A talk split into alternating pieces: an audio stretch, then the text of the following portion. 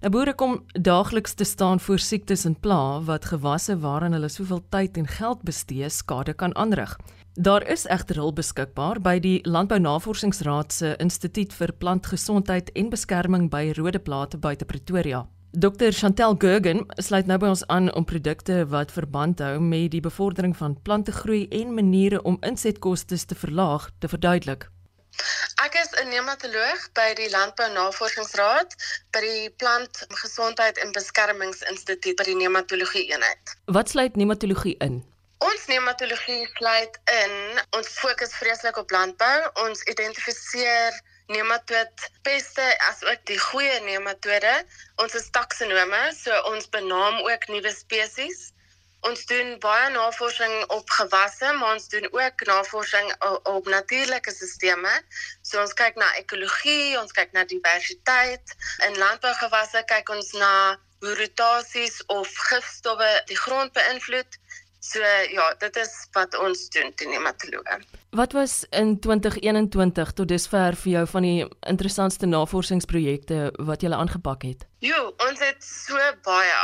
Ek dink die mees interessantste onderwerp wat deesdae um, ons aan werk is grondgesondheid. Ons doen veral nou op die goeie nematode. Kyk ons na hoe hulle beïnvloed word in grond en hoe ons hulle kan gebruik om vir ons meer te sê oor grondgesondheid en hoe om grondgesondheid te bevorder.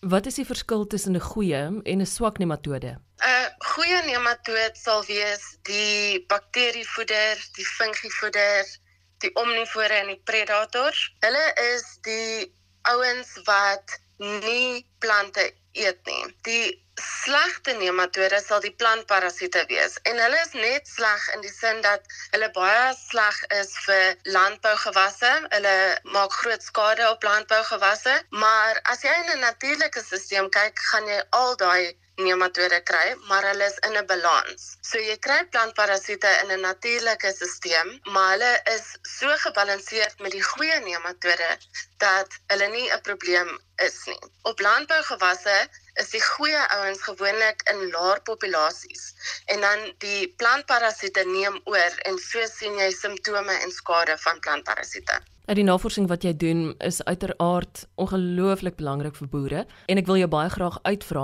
oor 'n projek met die naam Your Soil. Chantel, kan jy vir my daaroor kommentaar lewer? Ja, so ons is vreeslik opgewonde oor die uh Your Soil pakket wat ons gaan aanbied. Dit is 'n pakket van dienste wat 'n klomp organismes gebruik as bio-indikatore van grondgesondheid. Nou, ons het 4 afdelings wat saamwerk op hierdie projek. Dit sluit in die nematodes of alworms ook bekend. Dit sluit in rhizobakterieë, grondswamme en grondpatogene.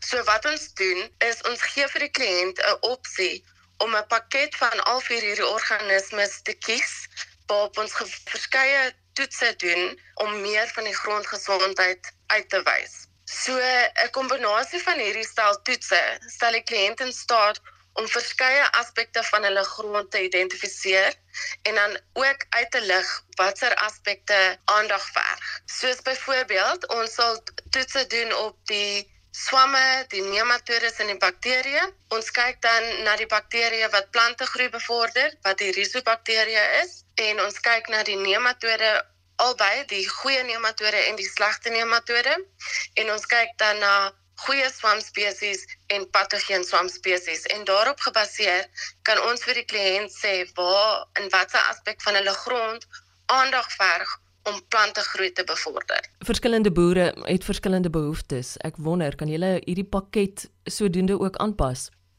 Ja, dit is wat so uniek is van hierdie pakket.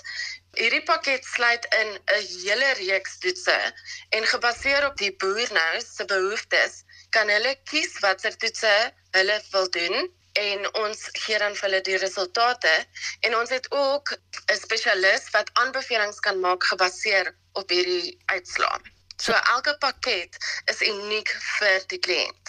Chantel, waar kan ek meer te wete kom oor die Joswil pakket? Die Joswil pakket kan op 'n e-pos gestuur word op joswil@irc.agric.za of jy kan my skakel op 012 808 8266 of daar gaan ook meer inligting wees op die LNR se webwerf wat www.irc.agric.za.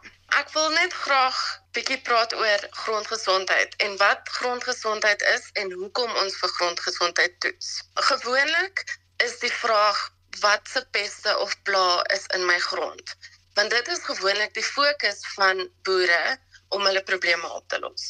Alhoewel ons kyk nou na grondgesondheid, want as grond gesond is, is jou plante gesond. So gebaseer op grondgesondheid kan ons insetkoste verlaag en grond meer volhoubaar maak. Dr Chantel Guggen is werksaam by die Landbou Navorsingsraad se Instituut vir Plantgesondheid en Beskerming by Rodeplaat buite Pretoria. Dr Didi Klasen van Afriwet bring ons op hoogte omtrent die stand van sake wat verband hou met 'n uitbraak van hondsdolheid vroeër vanjaar. Sy werp ook lig op veeartskoste en die belangrikheid van 'n gevestigde verhouding met jou naaste dieredokter. So dit lyk asof die uitbreek in die Weskaap onder beheer is, maar dit is net weer 'n aanduiding dat maakie saak waar jy in Suid-Afrika bly nie, hondsdolheid bly 'n moontlikheid. Of jy nou in Sandton bly en of jy in die Weskaap bly waar ons meerendeels in wilde diere die hondsdolheid sien, is die honde vorm van hondsdolheid altyd 'n moontlikheid. En die belangrikste ding wat 'n mens kan doen is om seker te maak dat jou honde en katte geënt is teen hondsdolheid. Ons is tans uh is daar 'n baie groot uitbraak onder of uitbreking van hondsdolheid onder ehm, 'n um, hondepopulasie in die Oos-Kaap en as een van daai moontlik besmette diere na jou area toe beweeg, weet jy nie waar dit gaan uitbreek nie. So dis hoekom ons net aanhou sê asseblief mense maak seker julle honde en katte is geënt. En dan net iets wat mense altyd met hondsdolheid in gedagte moet hou is waar daar um, honde hondsdolheid is, volg mens sterftes ook. So ek sê altyd vir mense asseblief leer julle kinders as hulle met vreemde diere gespeel het of iets het hulle gebyt of gekrap, dit hoef nie 'n verskriklike byt te wees nie, die vel moet net breek. Dat 'n mens dadelik mediese hulp soek. Die eerste ding wat 'n mens moet doen is om daai ehm um, krapplek of bytplek te was vir 10 tot 15 minute met seep en water en dan gaan soek jy hulp. En baie keer, um, ons het nou weer so 'n praatjie gehad wat die medisy is nie noodwendig uh, hulle werk elke dag soos jou veeartsbedryf met ons doelheid nie. So mens moet net aandring dat jy moontlik blootgestel is aan ons doelheid en dat hulle die staatsveearts nydienste betrek by jou geval dat mense dit kan verder opvolg en seker maak ehm um, die regte kategorie behandeling word vir jou gee, gegee vir die blootstelling wat jy gekry het. Didi, wat is die verskil tussen ons doelheid en hondesiekte? So hondsdolheid is 'n virale siekte en hondesiekte ook, maar dit is twee heeltemal verskillende goeie. So hondsdolheid is 'n dodelike zoonotiese siekte wat mense ook kan kry. Waar hondesiekte is 'n virus wat net honde affekteer en daar's 'n paar gevalle wat hulle in leeu's daarvan gesien het, maar dis heeltemal 'n ander storie. En omdat dit nie mense affekteer nie, is dit nie 'n beheerde siekte in Suid-Afrika nie, maar dit is nog steeds 'n baie dodelike siekte vir die hondepopulasie. So eienaars moet asseblief wanneer hulle nou hulle honde vat vir hondsdolheid entings net seker maak dat hulle ook hulle vat vir die 5 in 1 inenting. Die hondesiekte virus is deel van daai enstof en dan dit bring bied 'n mate van beskerming.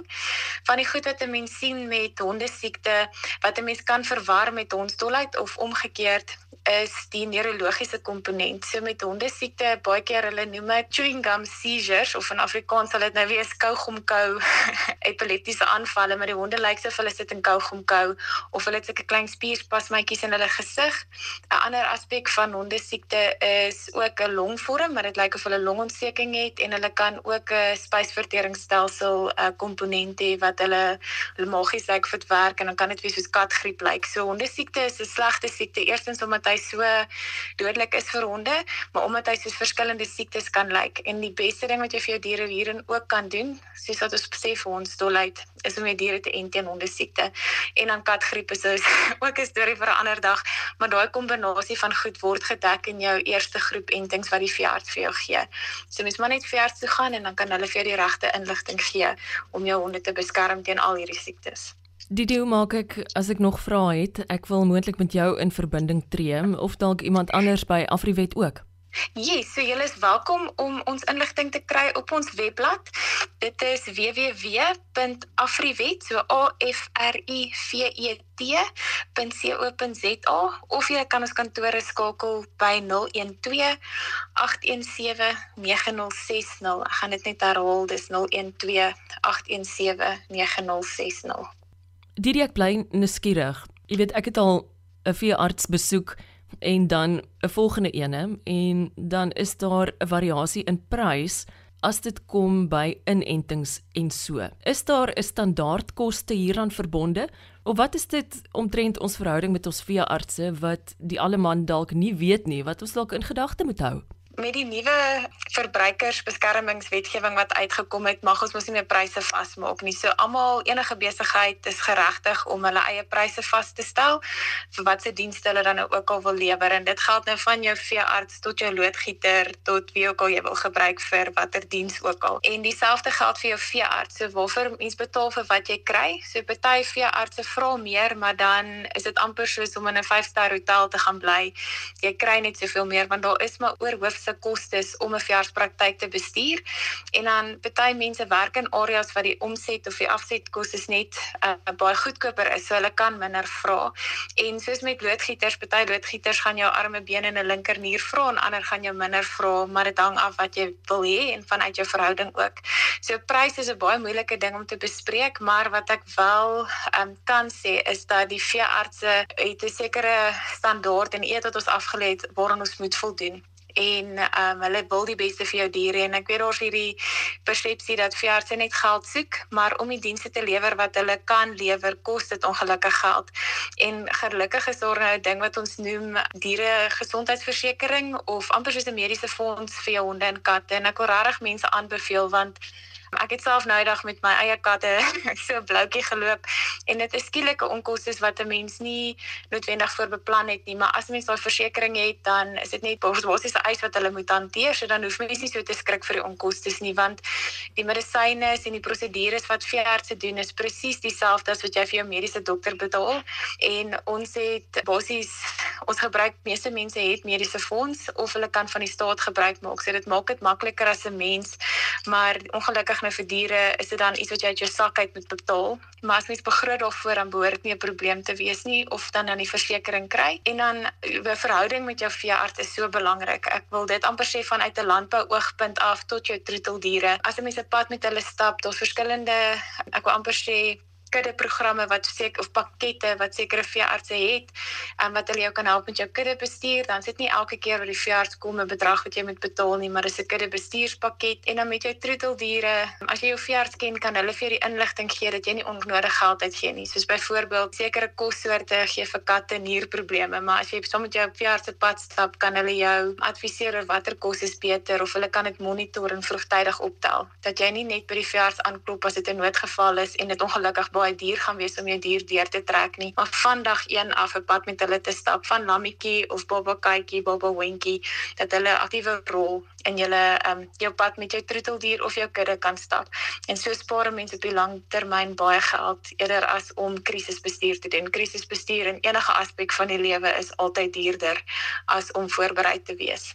So gesels Dr Didi Klasen van Afriwet.